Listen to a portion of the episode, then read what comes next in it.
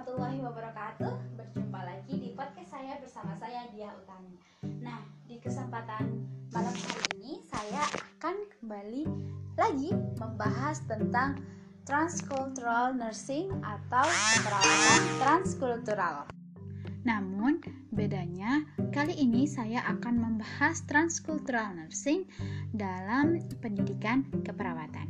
Berikut ulasannya. Baik, kita akan mulai dari pengertian transcultural nursing. Transcultural nursing atau keperawatan berbasis budaya adalah suatu area keilmuan budaya pada proses belajar dan praktek keperawatan yang fokus memandang perbedaan dan kesamaan di antara budaya dengan menghargai asuhan, sehat dan sakit didasarkan pada ilmu budaya manusia, kepercayaan dan tindakan dan ilmu ini digunakan untuk memberikan asuhan keperawatan khususnya budaya atau keutuhan budaya kepada manusia. Nah, transcultural nursing ini didasarkan pada teori perilaku caring, di mana caring adalah esensi dari keperawatan, membedakan, mendominasi, serta mempersatukan tindakan keperawatan.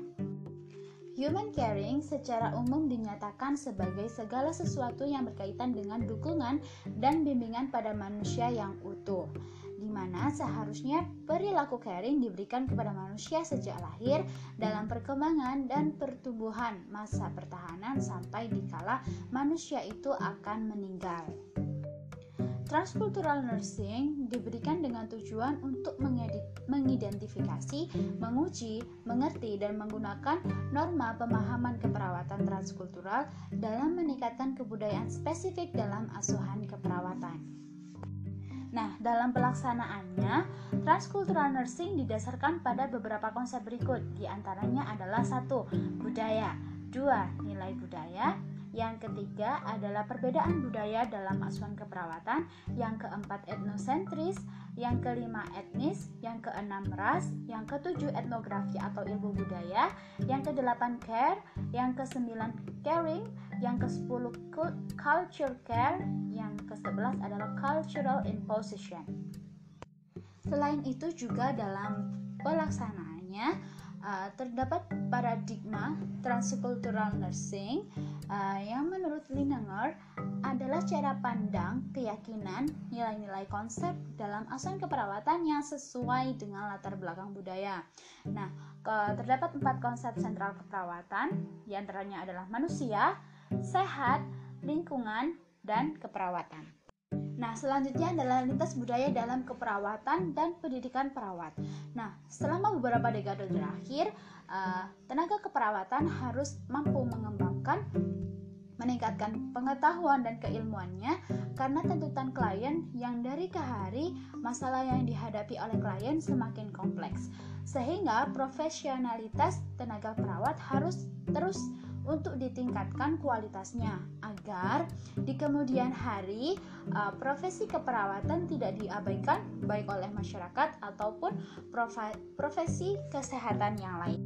Era globalisasi seperti saat ini tidak bisa dipungkiri oleh setiap orang. Tidak terkecuali adalah proses uh, profesi keperawatan, di mana dengan adanya perkembangan informasi yang lebih cepat, transportasi yang lebih mutakhir, dan um, teknologi yang terus melaju akan sangat mempercepat adanya transkultural proses dalam setiap profesi, termasuk adalah profesi keperawatan.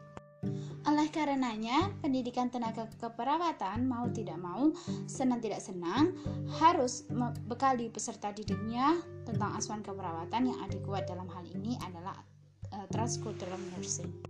Dengan tantangan yang semakin berat bagi profesi keperawatan saat ini, maka berdasarkan hasil riset yang dilakukan oleh Rian dan kawan-kawan di Amerika Serikat tentang transcultural nursing menghasilkan beberapa rekomendasi berikut.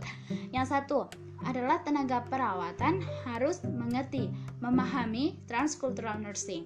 Yang keempat, transcultural nursing sebagai kesatuan integral dalam setiap intervensi. Setiap tenaga paramedis diharapkan mempunyai kompetensi transcultural nursing ini.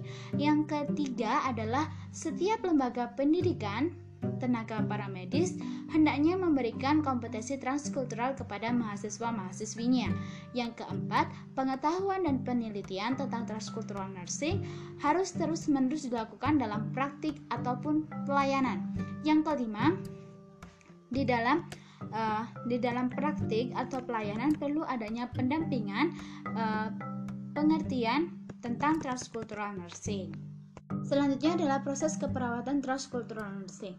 Nah, proses keperawatan hampir sama dengan proses keperawatan lainnya, yaitu terdiri antara pengkajian, uh, diagnosis keperawatan, perencanaan tindakan keperawatan, pelaksanaan tindakan perawatan, dan evaluasi.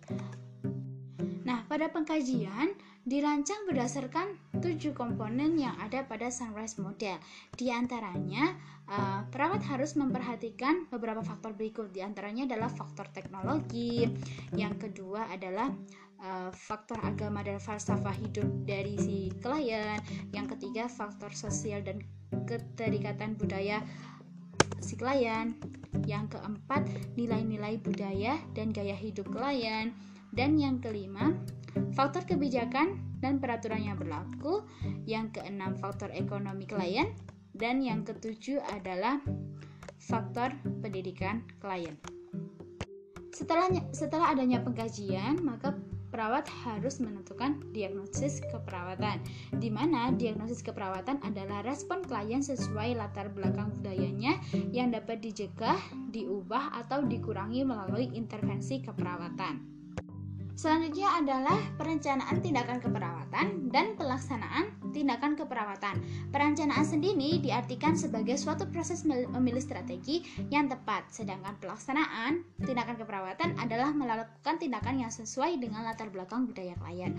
Nah, dalam perencanaan dan pelaksanaannya terdapat tiga pedoman yang ditawarkan dalam keperawatan transkultural yaitu mempertahankan budaya yang dimiliki klien bila budaya klien tidak bertentangan dengan kesehatan.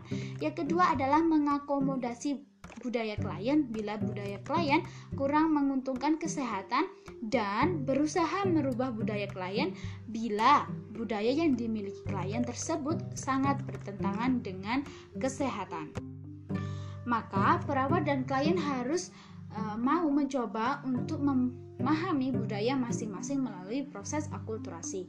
Bila perawat tidak mampu memahami budaya klien, maka akan timbul rasa tidak nyaman dan rasa tidak percaya kepada perawat, sehingga hubungan terapeutik antara perawat dan klien akan terganggu, yang mana hal ini akan mendasari ketidakefektifan uh, komunikasi terapeutik antara klien dengan perawat.